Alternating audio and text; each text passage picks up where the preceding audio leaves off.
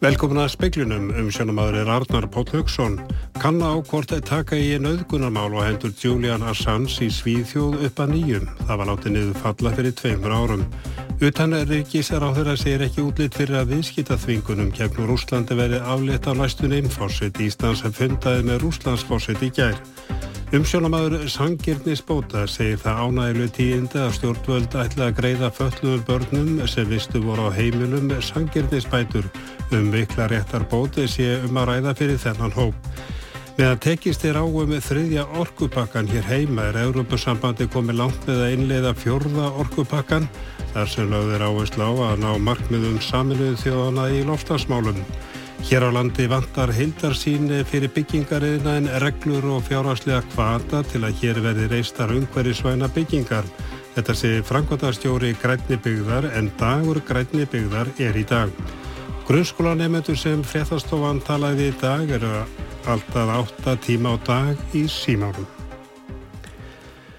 Endur upptökunemndi sakamála í Svíþjóð fór í dag fram á að rannsókn á nöðgunarmáli gegn Julian Assange, stofnanda Wikileaks, er þið hafin að nýju. Máli var látið niður falla fyrir tveimur árum.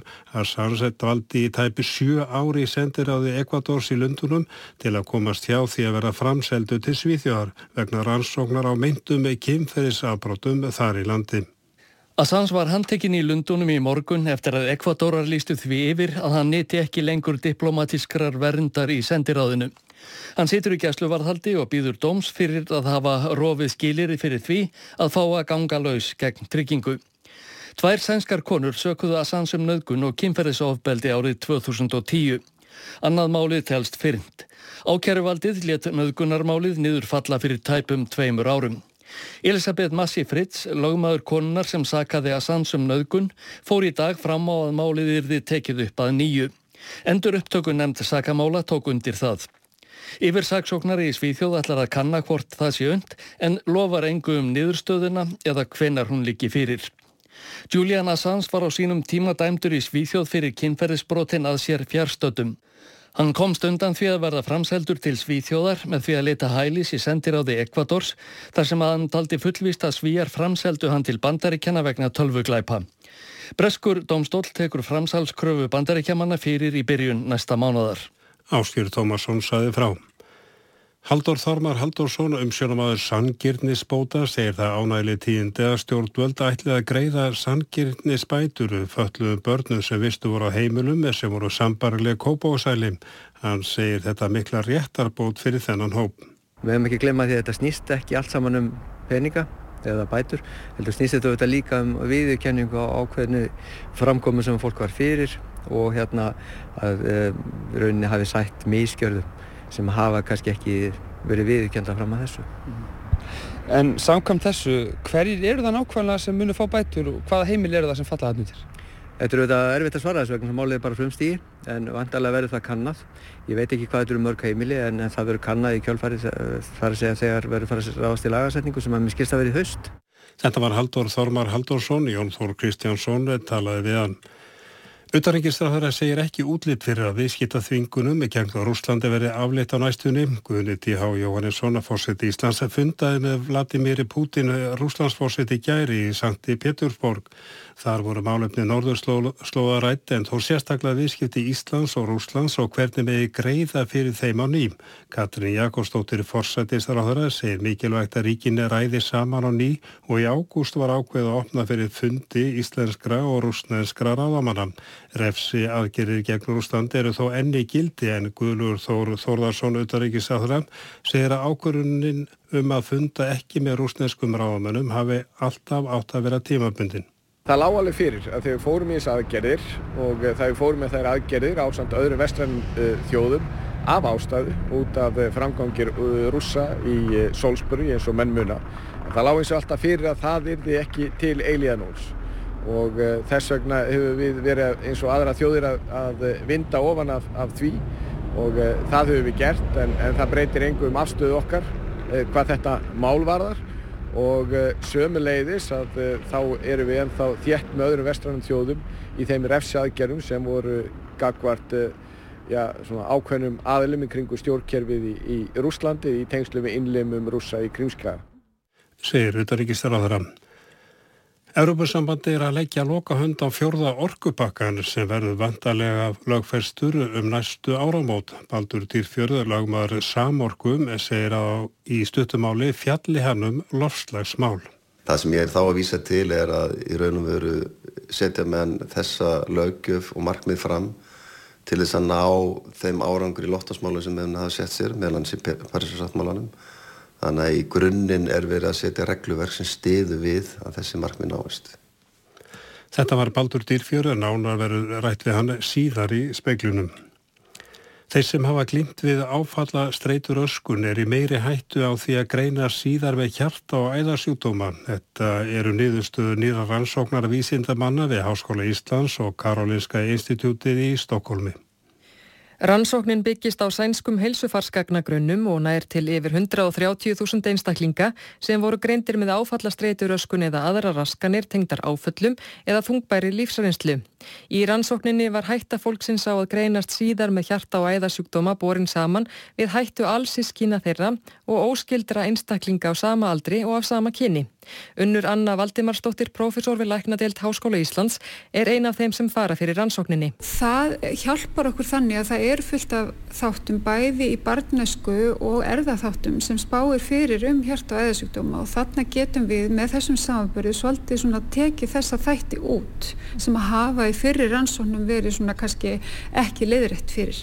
Þannig að við teljum og að hérna, við höfum þannig niðurstöður sem að eru örugari að einhverju leiti að þarna séum við með raunverulegt samband á milli þessara veist, miklu streitu sem einstaklingar upplifa við þessara aðstæður uh, og uppkomi hjart og aðeins Niðurstöðurna leiða í ljós að fólk með áfallastreitu tengdar raskanir var að meðaltali meirinn 60% líklegra en sískinni þeirra til að greinast með hjarta og æðasjúkdóm á fyrsta árinu eftir að hafa greinst með áfallatengdar öskun og nær 30% líklegra á árunum þar og eftir. Þá reyndist hætta á hjartabilun um sjöföld á við sískinni á fyrsta árunnu eftir greiningu og hætta á slagaðastýplu um tvöföld á árunum þar á eftir. Unnur segir að frekar er ansóknir þurfi til dæmis í tengslum við áfallasögu kvenna þar sem reynd verði að skoða orsakasamhengið betur. Rannsóknin sé mikilvegur áfangi en verkinu sé engan vegin lokið. Ásumbrynna yngvastóttir tók saman. Grunnskóla nefnendur sem fréttastofa tók tali í dag er alltaf 8 tíma á dag í símanum. Mest eiga krakkar að vera í þrjár til fjóra tíma á dag sangvænt nýju leiðbyningum á vegum foreldrafélaga í breyðholdum skjáttíma. Nefnandi í Ölduselsskóla segist hafa kynst samnefnendum sínum upp á nýtt eftir að skólinn var símalus. Hvað eru þið mikið í símanum á dag? Það gæti verið svona 7-8 tíma dag halda svona 2 klukkutíma til þrjá kringum það. Ég er nú vel ekki aðeins meirinn meðal, mikið af svona leikjum og myndbönd og þannig, fjóra tíma dag eitthvað. Spila og spjalla og gera eitthvað í frímúi í staðan fyrir að setja bara í símanum. Það eru miklu meiri samskipti og allir að tala saman og það er bara eins og maður er að kynast allir maður nýtt og þetta er bara mjög skemmtilegt. Þú er svolítið svona neyðist til þess að tala við skólafélagana og vilt ekki bara sita hann í hljóði þannig það er bara frábært. Ég held að það hefur frekar áhrif á næsta árið þegar við erum í úlengadildinu og við erum í fríminótunum inni og svona en það komum bortennis og eitthvað, ég held að það verður bara allt í lagi, bara gaman. Sáðu þau Guðmundur eh, Kristinn Davíðsson, Bríð Glóð eh, Pálmádóttir, Erik Gerritsen, Kjartan Helgi Guðmundsson og Elisa Sumarín Korassi, nefnundur í Öldusel skólan.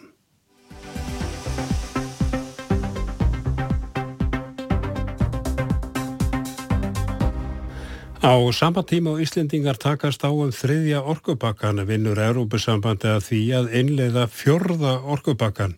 Í honum er markið sett á að uppfylla meðal annars að markmið Parísarsankomlagsins í lofslagsmálum þar sem megin áherslan verður lögð á að auka græna orkum og orkunýtingu og draga markvist úr orkunotkun. Ekki líku fyrir hvenar þessi nýje pakki verður innleitur hér á landi. Þegar eftirlöndin Ísland, Norður og Líktinstæn voru að semja við Európusambandu um innleðingu þriðja orkupakkans sem nú er deilt um alþingi var þegar hafið undirbúningur af fjörða orkupakkanum sem hefur gengið undir nafnunu Vetrarpakkin eða hrein orka fyrir alla Európabúa. Í mæi 2017 samþykti sameigilega ES nefndina að þriðji pakkin er tekin inn í ES samningin Nær ári áður kynnti framkvæmdastjórn ESB tilugur um breytingar á sameilegum orkumarkaði í Evrópum sem lúta fyrst og fremst að því að styrkja stöðu endur nýjalegrar orku að dragur nótkunnu jarðefna elsneitis með lísjónar lofslagsmarkmiðum Parísar sankumulagsins.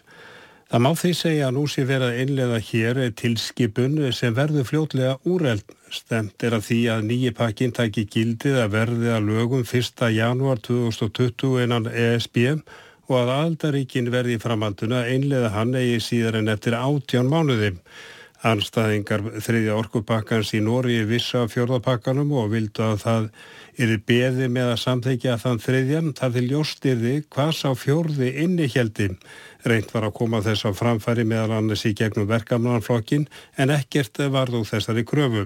Íslensk stjórnvöld vita líka fjörða orkupakkanum um svipa leit og kalla eitthvað umsögnum um þann þriðja, var óska eitthvað umsögnum um þann fjörða.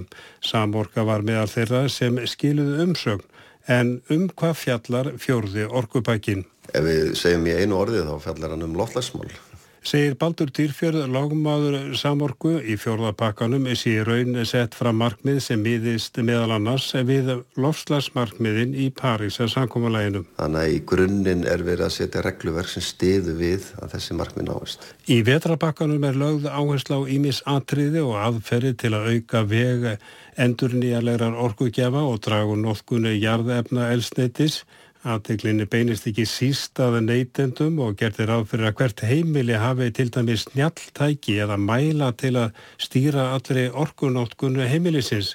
Bandu segir að áhersla sér lögða á að heimilin verði sjálfbær.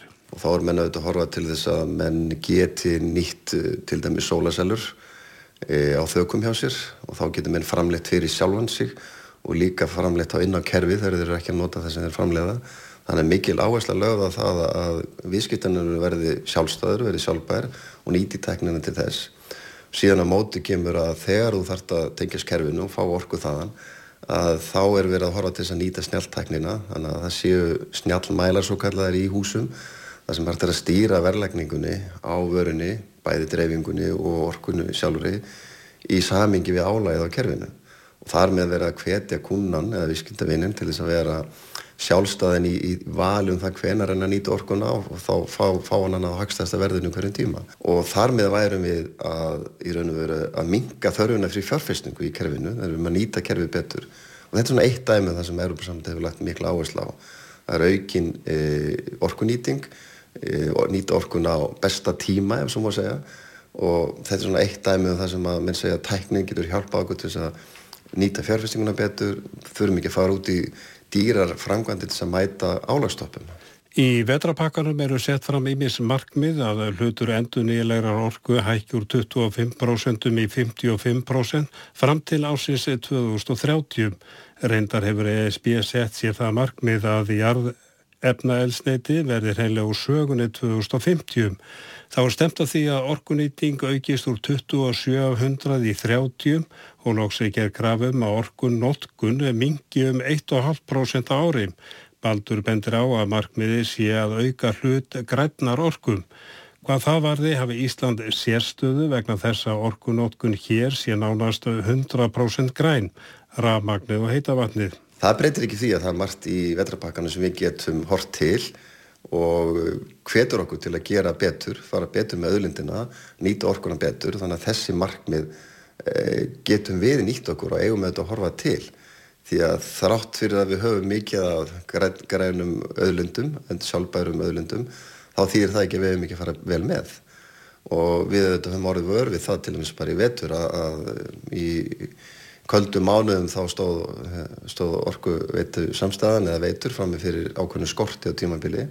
Og þetta minnur okkur á það að ef við getum farið betur með eh, skinsamlega, kynnti húsin skinsamlega ekki opna bara glugga þegar við viljum kæla neður eitthvað, þetta er skúruðu neður kranan þá erum við að taka þátt í því að fara vel með öðlindina eh, fresta því að það þurfum að fara í dýrar fjárfestingar sem á endan með þetta munu koma fram í gælskrá okkar til okkar viðskiptaveina.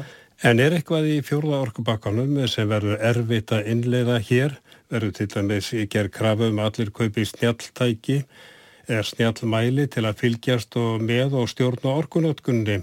Baldur bendur á að í pakkunum sé gert ráð fyrir að það verði metið hvenar er skynsalegt að skiptum tækni út frá kostnaði og að samorka hafi lagt áherslu á að undanþáur verði rúmarga hvart Íslendingum. Og við verðum ekki þvingu til að taka upp tækni sem eh, væri ekki að skila okkur árangri en svo gerist það bara frá árinu 2017 hefur skrifum okkur umsögn og höfum þess að fyrirvara upp í samorka bara svona til öryggis að tryggja við sem ekki lendi kostnaði sem er, er ekki svangjart kakvart kúnanum að þá bara hefur þessi tekni rapaði verði uh, möguleikin aukist og fyrirtækinn okkar eru bara komin að það stað að þau eru að undirbúa upptöku að þessari tekni og þetta var það sem við lögum áherslu í okkar umsögna að, að horfa til sérstöð okkar og leifa þess að gerast á forsendum tekninar og forsendum verðana á tekninni og sem betur þá að það rætast. Þannig að þó við sem ekki komum þann stað að innlega pakkan þá erum komum þann stað að fann að við erum fann að nýta margt af því sem að hérna, vetrapakkin gerði ráð fyrir. Það er unnið af kappi að innleiðingu fjórða orkupakkans, vetrarpakkans innan Európusambansins. Það mun uh, koma að því að hann verður innleitur hér á landi. Hins vegar er ekki hægt að segja til um hvenar það verður. Þriðja orkubakkin var innleitur í SB 2009, tíu árun síðar eru við að takast á um hann og innleiða. Það sem ég vil eins og leggja áherslu á varandi þessa orkupakka sem er svo eru nefndir að þetta er náttúrulega sko, þetta er saga raforku mála og samtenging kerfa, uh, samtenging hagsmuna, uh, besta nýting á innviðum og með tilliti til hagsmuna neytenda Þetta er að verða ára tuga gömul saga en af Örbjörnsandsins og mennum ekki gleyma því þetta byrja strax bara fljóðlega eftir að Örbjörnsandi verður til, þá byrja menn að ræða þessar hugmyndir.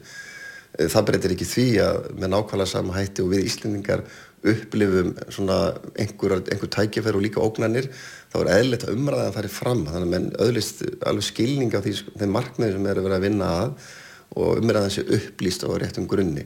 Og það er ekki gott, hvorum meginn frá sem er, að segja bara þetta séu einfalt og ég bara ganga greiðlega í gegn af því bara.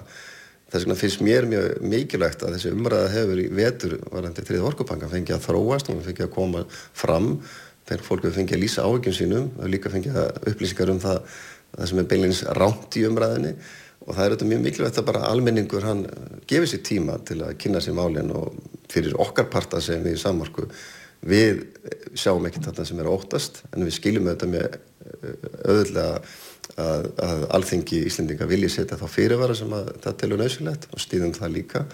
En þannig er rauninu bara að vera að horfa á þróun uh, á lögjöf sem við teljum okkur geta sínt fram á að hafi með jákvæðum hætti uh, komið visskýttöðunum til góða með læra orkuverði og betra skipalagi meiri neytindavernd Þannig að við lítum jákvæmt á þetta mál í hilsinni. Þórildur Fjóla Kristjánsdóttir, framkvæmdastjóri Grænni byggðar, segir að engin stefnumótun sé til fyrir byggingariðnaðin eða reglur um hvernig að hvetja til þess að hér á landi verði reistar umhverjusvæna byggingar. Dagur Grænni byggðar er í dag. Grænni byggð er vettfangur um vistvæna þróun og hétt áður vistbyggða ráð. Nafnunu var breytt á síðasta aðalfundi þegar að Grænni byggð gekk í alþjóðleg samtök sem heita World Green Building Councils. Grænni byggð er frjáls félagasamtök sem vinna með byggingar og skipulagsiðnaðinum að aukinni sjálfbarni. Þórildur Fjóla segir að fæstir í byggingariðnaði hugsi mikið um umhverjusmál, þó séu hér á landi nokkrir frumkvöðlar. Framkvæmda sísla ríkisins noti brímvottun og einnig hafi hús hér á landi verið svansvottuð. Þessi hús séu þó allt og fá. Ég er sundum beðnum að taka dæmi hver er grænastu byggingin á Íslandi? Það, þá lendir ég sundum bara svolítið aftur í tíman ára að tala um Sessilihús á Sólheimum. Það er ekki svo rosalega marga byggingar sem eru sagt, metnaðfullar í umhverfsmálum en það eru sagt, þessi góðu dæmi líka. Og má nefna líka Reykjavíkuborg sem eru eina sveitafélagi sem búið að taka þá ákvörðun að vistvotta eins og þeir vistvottuðu hérna, viðbygginguna á Sundhöll Reykjavíkur og þeir eru líka að vistvotta hérna, Dalskóla í Úlfarsadal þannig þeir eru líka að, að vinna í sagt, sínum málum sem er mjög jákvægt en það mættu miklu fleiri vera að, að, að gera hugsa betur um umhverfsmálinn í þessum brasa. Sko en hvað er að? Uh, ef við tölum um byggingariðnaðin? Sko það má segja það að byggingar að yðnaðurinn á Íslandi það fengið svolítið litla aðtikli frá stjórnsíslinni. Hann hefur verið svolítið jáðarflokkur, hann var í mannverkjastofnun heyrði undir umhverfisráðunitið fram árumótum og nú er hann fluttur yfir í félagsmálaráðunitið en það eru aðra stofnunir eins og hérna, sveitastjórnamálin og einnig eins og hérna, skiplasmálin, þetta heyri undir í dag undir þrjú mismandi ráðunitið, umhverfisráðunitið, félagsmálaráðunitið og, og samgöng og sveitastjórnaráðunitið. Það þarf aðeins að, að hérna, samina þessa krafta í byggingræðina og sker einhverja skýra stefnu um sjálfbarni það er engin stefna. Og þess vegna við svolítið ánæg í dag, við erum með daggrætni byggðar og við erum að fá heimsóng frá Nóri, okkar sístu samtökum þar. Og þau ætla að kynna fyrir okkur vegvísi, vegvísi fyrir byggingareina en í 8.2050 hvernig á að vinna að aukinni sjálfbarni. En slíka stefnumótun myndum við vilja sjá á Íslandi. Það sem byggingareinaður har tekin einhver ákveðin skref, sett einhver markmið, skoðaður einhverju fjárhagsleir kvatar þetta snýst nú oft um peninga, kröfur og kostnar heyrir maður frá vörtökum en sko það þarf líka kannski að vera einhver umbúndis að koma markaðanum á stað og hefur ofnbæra getur svo sannlega stuðlað að því. Þú sagðir uh, að byggingariðnaðurinn hafi leikið, fengið að leika lausum hala. Hvað, hvað, hvað áttu við? Það er raunni tilvala, þetta er svona sko að þetta er í svona mörgum ráðnutum það er engin svona fastheldni, það er eins og þessi hann fáið bara svolítið svona smá kúrkastar sem eiga sér stað, það er unni of margir sko of margir einhvern veginn að ráða aðeins en það þarf einhverja heldar sín á þennan málaflokk. Og, og, og hérna eins og við erum að byggja í dag er ekki alveg nógu sjálfbært, við þurfum að huga miklu meira að þessu málum og, og mótöku bara svona hérna betra samstarf og betri stefnu Nú, nú hafa sko, þú veist, ef við bara byggingaverktakar, þeir byggja og reyna kannski að byggja sem að útyrrast til þess að geta selt hérna og grætt sem mest. Uh, mena, en ef, ef að hérna, ef að þeir, er, þurfa þeir þá ekki að fá einhvern annan kvata til þess að byggja grænar byggingar? Jú, það er alveg rétt og það sem er líka, sko, við höfum verið að, hérna, að tala svolítið um í hjá grætnum byggð er að að hérna, það er rosalega oft bara lítið á stoppkostnæðin ekki á rekstra kostna bygginga. Vegna þess að það eru aðlega sem kannski byggja byggingana og þeir vilja fá kostnæðin alveg niður í lámark en svo tekur einhver annar við, einhver eigandi byggingan og rekstra aðli og þá kemur allt í hennu, kannski gæðin hafi ekki verið nú mikil það þarf að fara í viðhald er alls konar rekstra kostnæðir sem kemur inn ef að stoppkostnæðir ekki ná hár. Þannig við segjum stundum að gæða hönnun myndir leysa mjög margt af vandamálunum. En ef þetta er stoppkostnæðin þess að fá stoppkostnæðin lærri að móta einhverju betri hönnun þá þarf þess að fjárhastlegu kvata þeir gætu, það getur verið læri lóðagjöld fyrir einhverju umhverju skröfur það getur verið læri fastegnagjöld eitthvað nákvæmlega kröfur. Og verðum að sjá líka erlendis að það eru bankarnir farnir líka að koma inn í þetta að vera með betri og hagkamari lán fyrir þá sem eru að hérna, byggja vistvænt. Sko höfum séð líka í þessum vegvísi frá Nóri, þá er eitt af þeim atriðum, þeir sem tala um þar, að það þarf að, sko, þessi verkefni sem eru umhverfisvæðin og vistvæðin, að gefa þeim einhvern forgang í kerfinu. En í staðin fyrir að þau færi bara í, í, í síðasta sæti eða einhverstað hérna í rauðina, þá er líka þetta flít, gefa þeim flíti með þeir sem er að huga að sjálfbarni í alvöru og geta staðfyrstað með einhverjum hætti. Það hefur mikið verið rætt um ymsa uh, galla í byggingum, ég vil tala nú um alla mikluna og allt þetta og hva, það verðist vera mjög mikið að hérna. Ertu að segja að með því að sko hafa þetta í huga strax í upphafi, grænar byggingar og, og, og svo framins að jável þetta myndi minga, sko gallar og svona? Ég ætla ekki að fara svo langt að segja að, hérna, að vistvottun og græna byggingar geta alveg hérna, verið lausar við allt, allt slíka vandamál en það er samt líklæra þegar þú fjár, fjárfestir í gæða hönnun og eins og þessi, þessi vistvottunarkerfi sem er í gangi þau erum líka með ákveð verkla, ákveð sko, stjórn yfir verkefninu. Þannig að það, er, sko, það dregur úr líkunum á því að það verði gerðir gallar. En auðvitað er þetta náttúrulega flóki ferli frá hönnun álveg bygginginni framkvæmt en það myndi allan að draga úr líkonum og við myndum halda að það myndi hjálpa til. Eins er líka, þarf líka rannsaka svolítið áhrif lofslagsbreytinga á, bygging, á íslenska byggingar. Þarna í Nóri er eila sama. Þeir eru líka sjá aukningu í raka og miklu ég ætla ekki að, en þetta er ekki að nákvæmlega sem ég er að vinna við á hverjum degi en þeir sjá allan að það er meiri rak í loftinu og meiri rigningar það er líka eitthvað sem við þurfum að díla við hér og það getur verið hluta ástæðni bara svona aðeins í lókin, sko, hvað er það sem þarf að gerast? Hvað er brínast? Við viljum sjá bara vegvísir um sjálfbærni fyrir byggingreinaðin og við viljum sjá alvöru fjárhagslega kvata sem geta kom, verk, komið sérst, ítt á markmaðin, verið kvati fyrir markaðin. Í dag er markaðurinn ekki með náilega kvata og þá gerist ekkert. Þá er fólk að býða. En ef að þú ofnbara sínir bara smá hérna, frumkvæði og, og gerir einhverja umbanir, umbunanar í fyrirmarkaðin, þá möndum við sjá eldi betri hreyfingu uh, í, í áttil betri vegar. Þetta var Þórildur Fjóla Kristjánsdóttir, Bergljótið Baldursdóttir í talaði við hana. Á 13 árum hafa árlegar fjárfestingar í vindorgu rösklega fimmfaldast á heimsvísu, 2004 námu þær um með 2300 miljardum íslenskara króna en 2017 voru þær komnar upp í um með 12.700 miljardar. Þó að vindorgan sé endur nýjalegur orgugjafi eru vaksandi evasendir um hana. Áhugi á vindorku hefur aukist talsverði hér á landi, fjölmörg verkefni er í burðalinum og landsvirkjun er með áform um áframhaldandi uppbyggingu vindmela við búrfersvirkjun. Á heimsvísu hefur aukningin síðust ár verið mjög mikil, þetta á líka við um flest Evrópulönd. Um þessar myndir er vöxtur mestur í vindorkunni. 2017 var til dæmis metár hvað varður uppbyggingu vindorku vera í Nóriði og vexturinn hefur haldið áfram. Þegar eru starraktir 30 vindmeilugarðar og í fyrra var unnið að uppbyggingu 13 garðan. Normen áallaði í lok ásins 2021 verið hlutur vindorku í landinu komin í um 10 af 100. Það er ekkert eða fátt sem bendir til þess að það drægi úr þessari aukningun. Verð á vindmilum hefur lækatalsvert og það hefur áhrif á áhugan á vindorkunni. Verðið er nú orðið samkeppnishæft við marga aðra orkugjafa innan 20 ára er því spáð að 50-70% orkuframleiðslum verði endur nýjaleg. Normen eru nú að hefja undirbúninga byggingu stærsta vindmillu vers eða gars í Evrópu sem á að vera tilbúinni 2020.